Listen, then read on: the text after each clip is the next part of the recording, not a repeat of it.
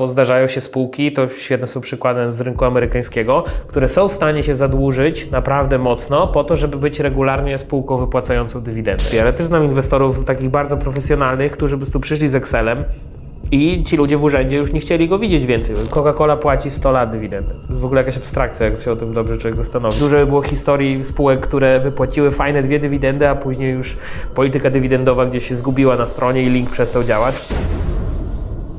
Jacek Jakubiuk, witam Cię na kanale Finansowy Preppers. Dzisiaj mamy spotkanie z gościem, który zawsze jak do niego przychodzę na jakiś temat, to on wyciąga, mam na ten temat książkę. Tomasz Jaroszek. Cześć.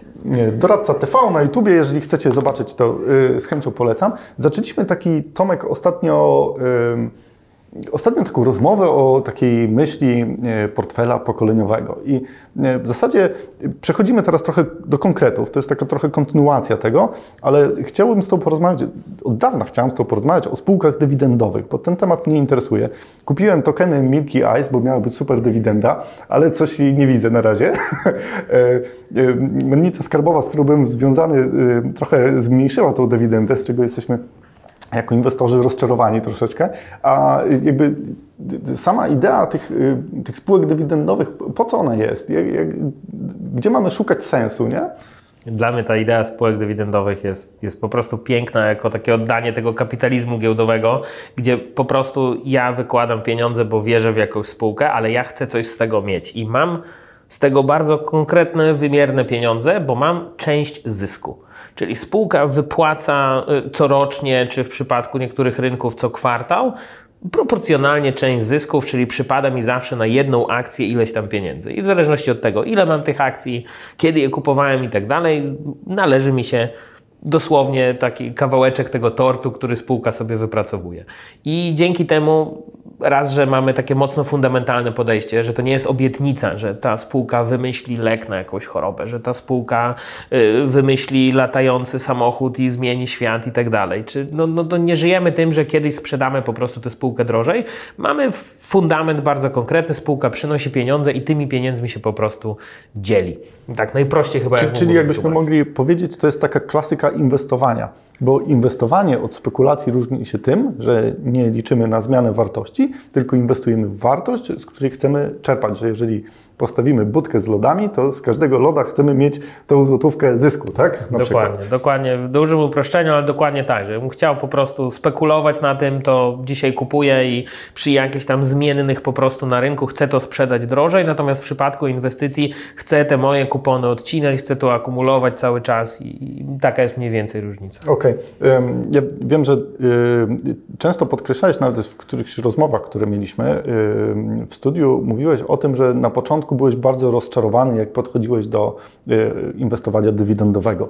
Dlaczego? Jeszcze jakbyś to przypomniał raz. Dlaczego to wkurza tak mocno inwestorów? Gdzie tu jest taki haczyk, nie? Którego, który musimy, taka bariera, którą musimy przeskoczyć? Im jesteśmy młodsi i bardziej niecierpliwi, ten haczyk będzie jeszcze bardziej irytujący zaczynamy, budujemy portfel, wkładamy na przykład nasze całe 10 tysięcy złotych. Zbieraliśmy, zbieraliśmy, wchodzimy z pierwszymi pieniędzmi, kupujemy sobie te akcje spółek dywidendowych, wychodzimy z założenia żadnej spekulacji, kupuję, one będą na długie lata, czekam na te pieniądze.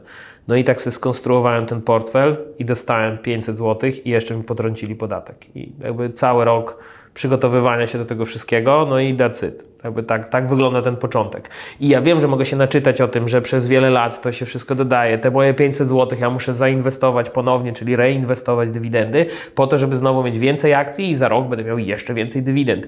Te dywidendy prawdopodobnie będą większe, jeśli dobrałem dobre spółki, więc w teorii to wszystko jest super, ale w praktyce Cały rok się spinałem, żeby to zrobić i dostałem 500 zł. I to jest to, taki 500 zł to jest jedno, ale jeżeli ktoś jeszcze wejdzie w, na szczycie hossy w spółki dywidendowe, a mu się to skurczy o kilkadziesiąt procent, to 500 zł to jest taki tak. Może być tak, że łez, tak, tak? nie wiem, miałem 10 tysięcy, a teraz mam 7 tysięcy i 500 zł z dywidend. Czyli tak po roku, no ciężko się takim portfelem pochwalić i być może idea była dobra, no ale jeśli jesteśmy niecierpliwi, jeśli nie, nie chcemy tej długiej dywidendowej drogi, no to będzie to po prostu portfel irytujący i bardzo często go porzucimy. A jeśli wrócimy do tego, tak jak w moim przypadku, no to mogę jedynie co trochę żałować, że tyle tych lat i, i, już nie zaglądam, bo to jest taki trochę masochistyczny temat, żeby zaglądać, co by było gdyby, czyli jak miałem te spółki w portfelu naście lat temu, no to gdybym jej nie porzucał, to gdzie ona by była dzisiaj i ile dywidend byłoby po drodze. Lepiej tego nie robić, bo to mocno męczy psychicznie. To jest takie okay. samobiczowanie, że już było dobrze, ale zepsułeś. A, a po, po, podejście do ceny, bo też jakby nabywamy te spółki dywidendowe i jak mamy na to patrzeć, bo y, czy jakby mamy patrzeć jako na średnią, czy jako, czy to być jednorazowy zakup, czy mamy to reinwestować i, i co, co, co mamy, z, powiedzmy z tą spółką X zrobić, nie? No, w ogóle to musimy mieć trochę tych spółek, że to inwestowanie dywidendowe musi się opierać na tym, że mamy portfel tych spółek, żeby się nie okazało, że wybrałem dwie, trzy spółki i dacyt i liczę na te dwie, trzy dywidendy. No niektórzy mówią, że 20 spółek, 30, no tylko cały czas to zakłada, że my się tym mocno interesujemy, więc wbrew pozorom to jest taki portfel, który się wydaje bardzo pasywny, ale on jest jednak o tyle aktywny, że my się musimy interesować tym biznesem, który tam mamy w środku. I co jest o tyle fajne, że narzucamy na cały rynek taki filtr dywidendowy, czyli już odrzucamy wszystkie spółki, które tej dywidendy w ogóle nie płacą. Później odrzucamy ileś tych spółek, które płacą ją bardzo nieregularnie, albo że to jest w ogóle jakiś jednorazowy strzał, bo spółka nie wiem, sprzedała jakąś inwestycję, to podzieliła się zyskiem, ale ogólnie nie ma planach w najbliższych latach. No to te spółki też nas nie interesują, więc mamy już taki odsiew jak szukamy tych najlepszych, na które się już decydujemy, to teraz zaczyna się cała zabawa, w jakich momentach my je kupujemy. I zaczyna się ta fundamentalna zabawa, czy te spółki są teraz mocno drogie, dlatego że na przykład mamy hossę i wszystkie spółki, wskaźniki w górę, ta dywidenda wydaje się dla nas bardzo mała. No bo dywidenda znowu, są procenty i są kwoty. Bo w poprzednim odcinku też mówiliśmy, że są procenty i nam się wydaje, że są małe i tak dalej, a później te kwoty są duże, a tu może być odwrotnie.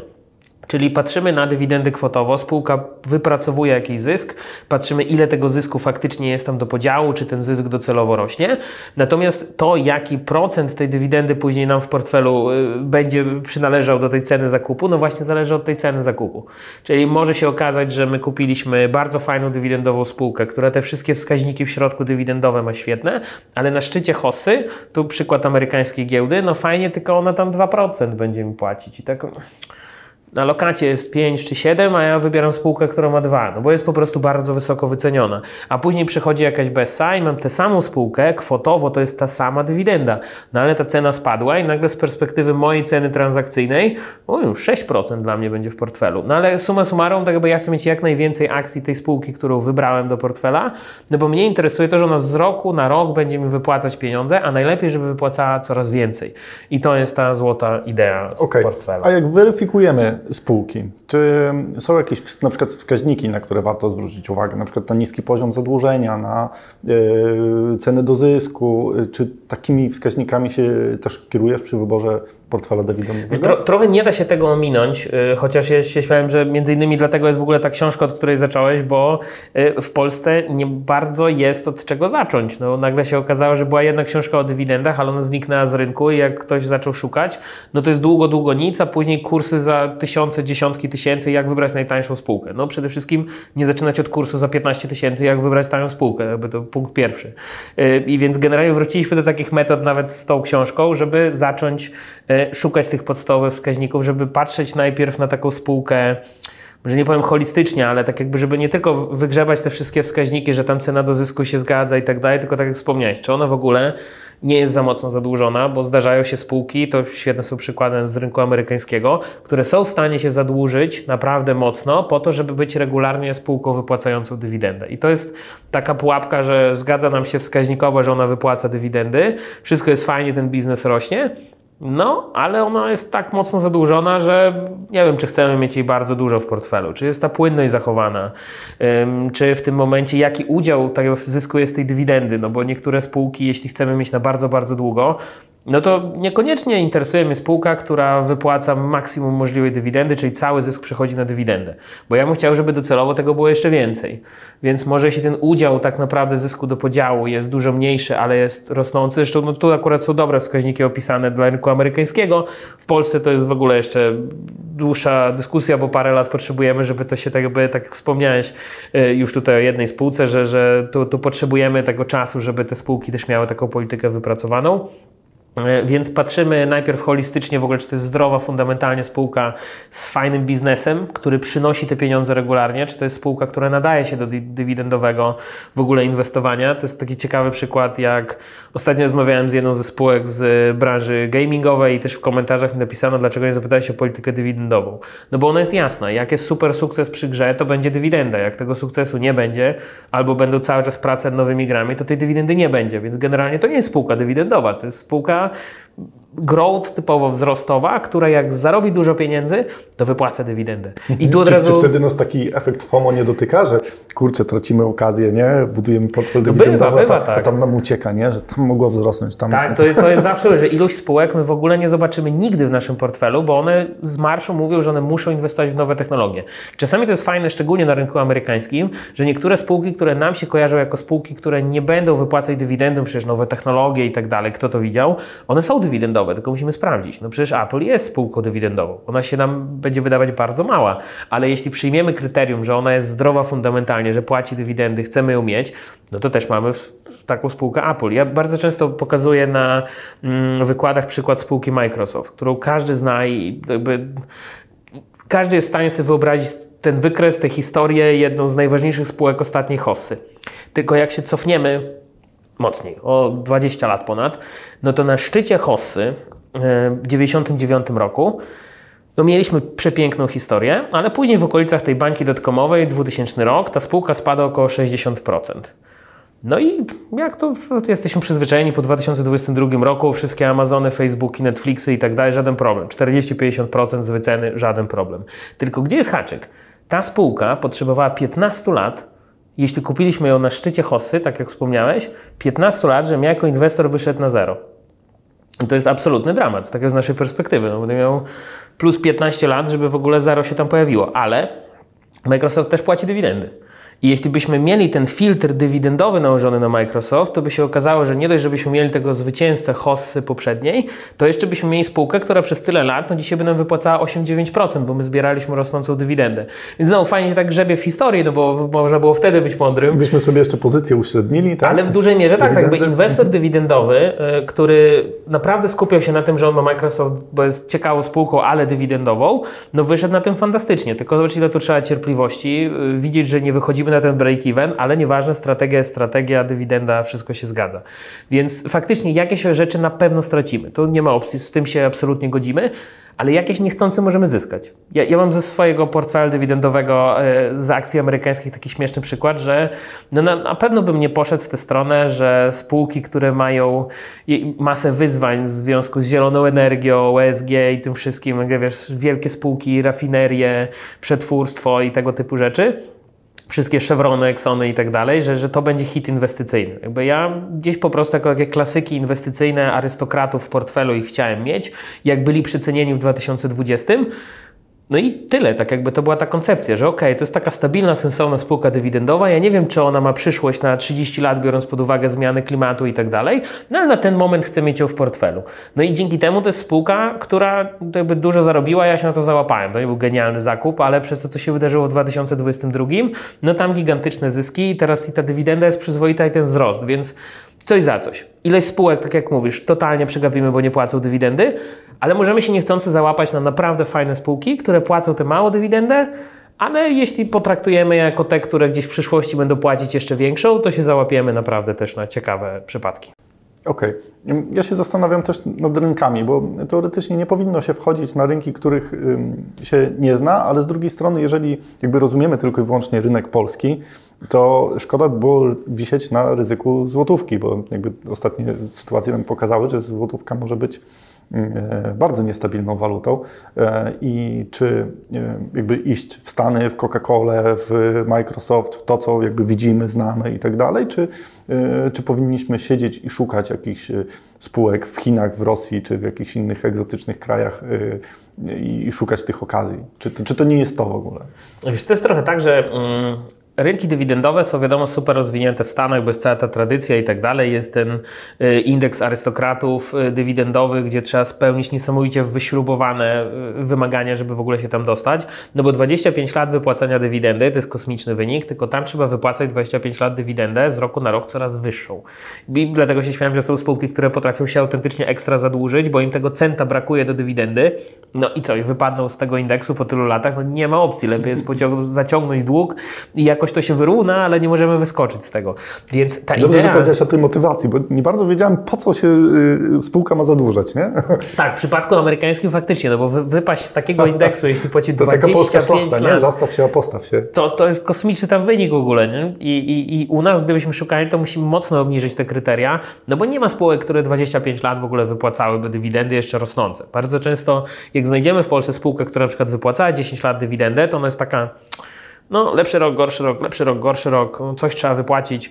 I, i tego nam jeszcze trochę brakuje, a ta idea, e, patrzę na ten tytuł, jest trochę niefortunny, bo to zbij fortunę, to, to jest długa droga, żeby zbić tę fortunę na dywidendach, no ale takie było tłumaczenie faktycznie, już takie, takie też zachowaliśmy, mm, ale to jest po prostu e, długa droga, ale wybierając spółki amerykańskie, no to mamy tę ekspozycję na dolara, i mamy długą tradycję dywidendową. Więc tak, no Coca-Cola płaci 100 lat dywidendę. To jest w ogóle jakaś abstrakcja, jak się o tym dobrze człowiek zastanowi, że te butelki Coca-Coli, które jechały przed pierwszą i drugą wojną światową, tam już była koncepcja wypłacania regularnie zysków inwestorom. Więc to z naszego punktu widzenia jest trochę abstrakcyjne, no ale dzięki temu ten rynek tam wygląda jak wygląda. Więc jeśli specjalizujemy się przy rynku polskim, to Plus całej tej sytuacji jest takie, że te nasze niskie wyceny, przygniecione bardzo wieloma czynnikami, o których można i u Ciebie w rozmowach usłyszeć i u mnie, Mamy wiadomo i, i wojnę, OFE, parę innych tematów niepodomykanych, więc mamy dosyć niskie wyceny, a te zdrowe fundamentalnie spółki po prostu przy tych wycenach wychodzą na takie, które płacą nam 5, 6, 7, 8%.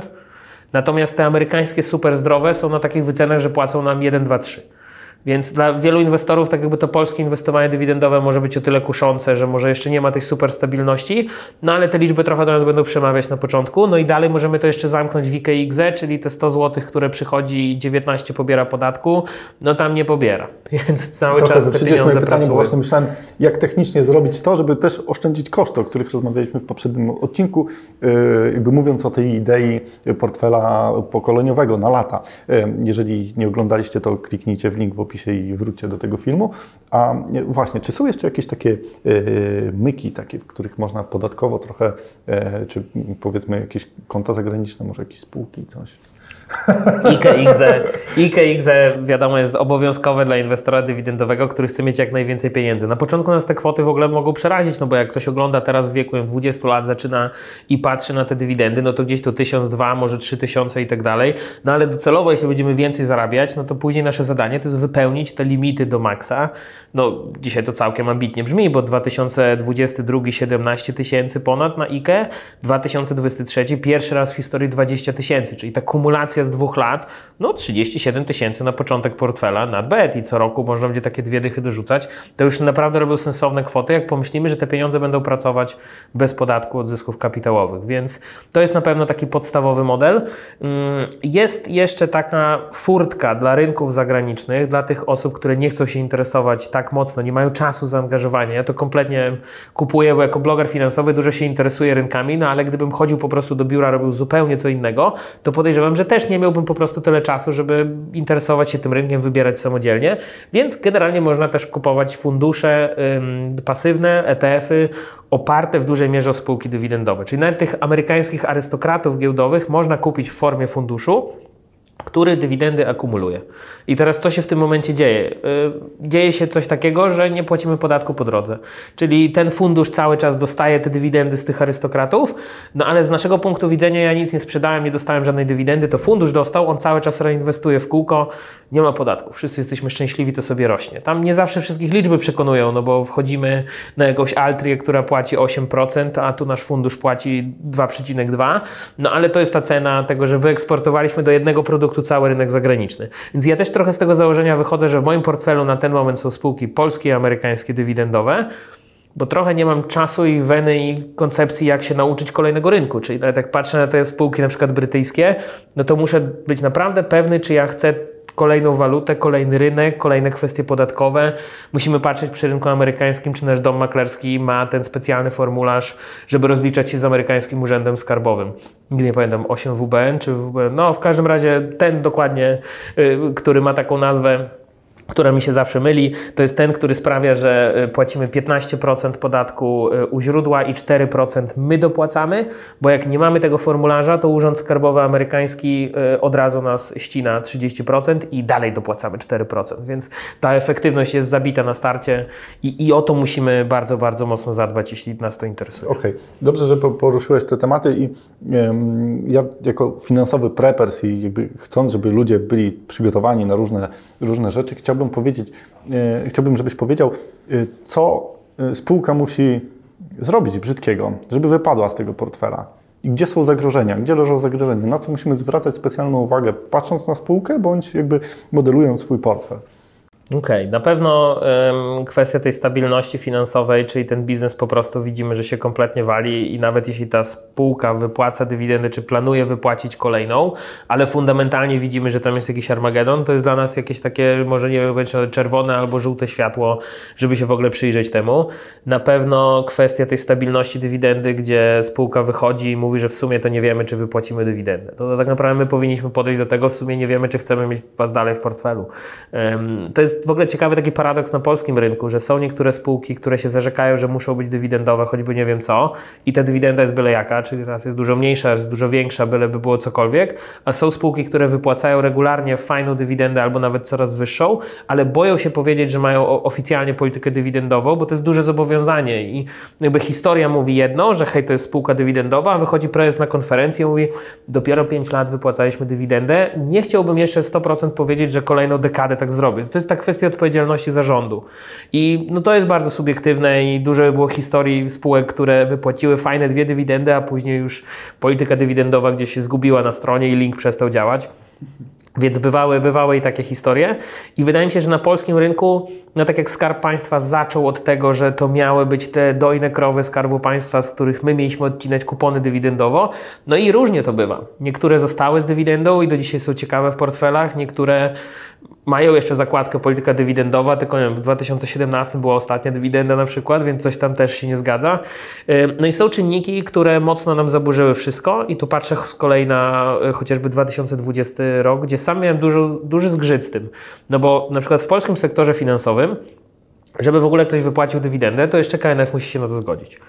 No to jak była pandemia, no, czy wypłacić dywidendę, tak jakby, czy w interesie państwa, bezpieczeństwa, tych finansów, tego systemu, czy to jest w interesie, żeby dzielić się zyskiem? Nie wiemy, jaka będzie przyszłość. To jesteśmy dopiero w epicentrum pandemii. I wtedy był taki zgrzyt, że z polityki dywidendowej mojej wynikałoby, że powinienem się pozbyć wszystkich tych spółek, bo nie dostanę dywidendy. No ale jest to tak abstrakcyjne wydarzenie z 2020 roku, że może ta dywidenda do mnie wróci ze zdwojoną siłą. I w niektórych spółkach tak się stało. Więc yy, po 2020 roku można by tu dopisać pewnie jeszcze z jeden rozdział o takich abstrakcyjnych wydarzeniach. Mm, w Stanach raczej jest postaw się, zastaw się, dywidenda musi być wypłacona, choćby nie wiem co, więc musimy patrzeć faktycznie na tą kondycję finansową spółki, na tą odpowiedzialność zarządu, jak ona do tego podchodzi. Y, często w ogóle akcjonariusze tam akurat bardzo puszują temat Y, dywidendy, że tak jak u nas jest tam niewinne pytanie, panie prezesie, jak tam dywidenda, to tam po prostu na walnym zgromadzeniu już wszyscy są gdzie jest dywidenda? tak jakby ona tu już miała być, tak jakby co jest grane. Tam jest takie ciśnienie ze strony inwestora indywidualnego i instytucjonalnego, no bo na przykład fundusze, im też zależy na tym, żeby ten cash flow napływał. Więc tak z, z mojego osobistego doświadczenia, no to jest fajny polski rynek, bo możemy dużo rzeczy ogarnąć na tym rynku w naszym języku, w kwestiach podatkowych, poznać te spółki, jak to się aktywny aktywnym, na walny pojechać. Jak ktoś jest aktywnym inwestorem, ma na to czas i to lubi, no to ten rynek jest pod tym względem fajny, chociaż jeszcze długa droga przed nim, żeby tam pojawili się arystokraci. E, a to natomiast rynek amerykański jest no, cudowny ze względu na te historie, na te dosyć proste zasady, że bierzemy listę tych arystokratów i nagle nie trzeba kursu za 15 tysięcy, można listę darmową arystokratów i już widzimy te najlepsze spółki, które po prostu możemy sobie ubierać ten portfel na przykład w czasie Bessy i fajnie zacząć. No a inne rynki to już tak jak mówię, jest, robi się trudno, albo y, szukamy, jeśli nie chcemy się w czymś specjalizować, szukamy sobie ETF-ów, które mogą to zastąpić i tu pewnie jeden inwestor dywidendowy by krzyczał, że to nieoptymalne i tak nie powinno się robić, ale no jest to jakiś taki mały lifehack, żeby sobie uzupełnić o te rynki na przykład. No, u mnie w Azji na przykład nie ma dywidendowego w portfelu, ale może kiedyś się pojawi, jak pomyślę, jakim instrumentem to można w ogóle wstawić. Czyli w zasadzie y, powinniśmy zrobić tak, że jakby podsumowując trochę mm, tę naszą rozmowę, że powinniśmy wziąć w garść tyle spółek, ile możemy ogarnąć, y, które możemy śledzić. Druga rzecz, żeby nie zastanawiać się, reinwestować, a dwa, żeby przemodelowywać ten portfel, jeżeli spółka wypada z naszego y, targetu, z naszej strategii, to zamieniać ją na coś innego. Y, czy jeszcze jakiś ważny punkt powinniśmy podkreślić tutaj na koniec? Powiedziałbym jeszcze, że możemy sobie dywersyfikować wewnątrz naszego portfela, raz, że branżowo, Dwa, że pod względem tej stabilności dywidendy, że jak mamy te potwory typu Coca-Cola, które y, faktycznie 100 lat wypłacają równiutko dywidendę, ale z kolei chcemy jakąś spółkę, która jest mocno przyceniona, coś się stało tym biznesem, ale mamy tak zwany high yield, czyli jesteśmy w stanie dostać od niej 7-8% i chcemy mieć ten udział tej spółki w portfelu, to możemy sobie trochę ten portfel właśnie w ten sposób takimi ryzykami podzielić. Czyli jest jakaś część na te stabilne, które może tej dywidendy wielkiej nie mają, ale ta dywidenda jest stabilna, ona rośnie z roku na rok. No i tutaj też, no generalnie jak się popatrzy na historię tych spółek amerykańskich akurat, no to te dywidendowe spółki to nie jest tak, że one stoją w miejscu i my tylko kupujemy te 2%, bo później się okazuje, że dostaliśmy ileś tych procent z dywidend, no ale przez ostatnich kilka lat urosła spółka jeszcze 100% na po prostu wycenie, więc to są często wielkie spółki, które się fantastycznie rozwijają, y, więc wydaje mi się, że ta dywersyfikacja w środku. Ja zawsze na to uważam, bo mm, my lubimy się czasami oszukać z tą dywersyfikacją. Przykład, to akurat obligacje korporacyjne to może inna troszeczkę kategoria, ale y, u nas jest tak, że właśnie nieruchomości, deweloperzy czy wierzytelności, no i jeśli mamy faktycznie y, portfel oparty o jeden czy dwa sektory, no to czy my jesteśmy zdywersyfikowani? No, jeden solidny kryzys i tak jakby wszyscy obrywają bardzo podobnymi czynnikami, więc ta dywersyfikacja wewnątrz tego portfela jest naprawdę mocno wskazana dla naszego dobra. No i ten długi termin, do którego musimy się przekonać, nie? że to jakie będzie Bessa, no to tak naprawdę wparowujemy jak do sklepu na promocję, a nie przejmujemy się. Więc pod tym względem, jak, jak znam doświadczonych inwestorów dywidendowych, to oni po prostu w 2022 roku codziennie prawie jak w supermarkecie się bawią, co tutaj fajnego się pojawiło, albo co jest w ich portfelu od iluś lat i wreszcie dostało na przykład 20% w dół, wreszcie można te pozycje jeszcze fajnie uzupełnić. Więc trochę tak to działa. No i reinwestujemy cały czas, żeby ta kula śnieżna tych odsetek nam się w końcu zrobiła naprawdę fajna. I ta kula hajsu, która nam się toczy, co możemy, jakby, jak, na jakie ryzyka musimy zwrócić jeszcze uwagę, y, żeby z tej kuli hajsu nam nikt nie podbierał, bądź żeby nam się nie rozsypała. Co jest takiego zagrażającego naszej, naszemu portfelowi dywidendowemu? W zasadzie y, pierwsze, najważniejsze ryzyko, które trzeba sobie uświadomić, i ja sam nie byłem do końca jego świadomy na samym początku, bo tak człowiek dywidendowo to bezpiecznie, nie? dywidendowo się tam dzielą tymi pieniędzmi i tak dalej, więc powinno być ok. Ale tak naprawdę, będąc inwestorem dywidendowym, dalej jesteśmy inwestorem, który bierze na siebie pełne ryzyko zarządzania swoim portfelem. Jakby nikomu tego nie oddajemy, żaden indeks za nas nic nie robi w tym momencie. No ja dobieram sobie sam te spółki do portfela, sam je analizuję, bardzo często nie mając na to czasu czy coś takiego. Tak jak ktoś wychodzi teraz z założenia, że zacznie czytać raporty spółek w Stanach i tak dalej, nagle się okaże, że połowy nie rozumie, bo to jest strasznie trudne, jeszcze trzeba Albo mi ekstra jeszcze, 50 jeszcze godzin. forum bankiera, nie? też można powiedzieć, tam dywidendy to wiesz, Ctrl F i szukamy tego wątku, czy ktoś wspomniał o tym swoje. Nie? Ale, ale do czego zmierzam? Że bierzemy na siebie ogromne ryzyko tego, że po prostu wybierzemy złe spółki, że kompletnie jeszcze jesteśmy za słabi w tym temacie, że musimy jeszcze przeczytać więcej książek, a po polsku nie ma więcej książek, więc musimy się przerzucić jeszcze na inne. Więc, więc faktycznie zawsze jest to ryzyko podstawowe, że to jest portfel aktywnie zarządzany. Nawet jeśli on brzmi super defensywnie, super pasywnie, to jest to portfel, w którym sami nim zarządzamy. To jest gigant ryzyko, które bierzemy zawsze na siebie i ono się oczywiście gdzieś tam może wypłaszczyć w długim terminie, jak się tego wszystkiego nauczymy, no ale nadal to jest podstawa, o której musimy pamiętać. Dwa, wydaje mi się, że to jest coś, czego Polacy się bardzo boją i się trochę nie dziwię, to jest kwestie podatkowe, żeby nauczyć się od razu na starcie, jak to się wszystko rozlicza, jak to działa, żebyśmy sobie nie zrobili niechcący krzywdy, że nie doczytaliśmy, że coś trzeba zapłacić i później nie wiemy, jak to odkręcić w urzędzie skarbowym. Bo jeśli dostajemy dywidendy w obcych walutach, I tak jak wspomnieliśmy, 15% w Stanach i 4% dopłacamy my, i na koniec roku musimy to wszystko sami policzyć. I domy maklerskie są już coraz fajniejsze, niektóre pod tym względem, i starają się nam to ułatwić, no ale nadal ja muszę mieć tę konkretną liczbę i muszę to wszystko sam sobie wypełnić i muszę ten przelew zrealizować, sam się z tym rozliczyć. Jak mam fajny portfel dywidendowy i mam 25 spółek, to dostałem 100 dywidend. Czyli 100 razy muszę obliczyć, ile tych 4% mam do dopłaty, a są niektóre takie, takie spółki, które mają na przykład jakąś gwiazdkę podatkową. Więc no, trzeba tutaj mieć świadomość, że to jest do ogarnięcia, to nie jest takie, ta, aż takie straszne absolutnie, mm, ale trzeba mieć tego świadomość. Chociażby fakt, że to się rozlicza po kursach, które się bierze z Narodowego Banku Polskiego. Czyli znowu, nieważne po jakiej cenie ja mam tego dolara, którego kupiłem, ważne kiedy w tej danej transakcji, jaki tam był kurs na stronie NBP-u. No i jak już mówimy o ryzykach... Jest taka złota trójka przedsiębiorcy, czyli księgowa, doradca podatkowy i prawnik, to chyba też taka złota trójca będzie święta trójca y, inwestora, nie? Że, też księgowy i doradca podatkowy powinien tak, być na tak. pokładzie. Szczególnie, że u nas jest taka, znaczy ja zawsze miałem tym duży problem, że domy maklerskie nie mogą Ci powiedzieć za bardzo nic o podatkach, bo nie mają doradztwa podatkowego, nie mogą wprost powiedzieć, tu wpisz te 4%. Nie, nie mogą tego tak po prostu powiedzieć. Często same instytucje, które się zajmują rynkiem kapitałowym, też nie bardzo chcą brać to ryzyko na siebie, a później idziemy dowiedzieć się czegoś w urzędzie i Urząd Skarbowy się zastanawia, no bo co to pan tu kupił? To jakieś spółki? I to co miesiąc wypłaca dywidendę? To tak można i, wie, i szukasz tej wiedzy w urzędzie, który będzie cię kontrolował, czy to dobrze zrobiłeś. I to jest problem. Jest tym coraz lepiej, ale też znam inwestorów takich bardzo profesjonalnych, którzy po prostu przyszli z Excelem, i ci ludzie w urzędzie już nie chcieli go widzieć więcej. Otworzyli tego Excela, zobaczyli, jest tam setek transakcji i tak dalej. I dobra, dobrze jest. Proszę już z tym iść, jest super wyliczone, więc też urzędnicy też muszą się tego nauczyć. Jest z tym coraz lepiej, z domami maklerskimi jest coraz lepiej, no ale żeby się liczyć trochę z tym ryzykiem, że jak kompletnie zapomnimy o tym temacie, no to może się zrobić niefajnie przy samym rozliczeniu, że my w ogóle nie wiemy, jak do tego tematu podejść.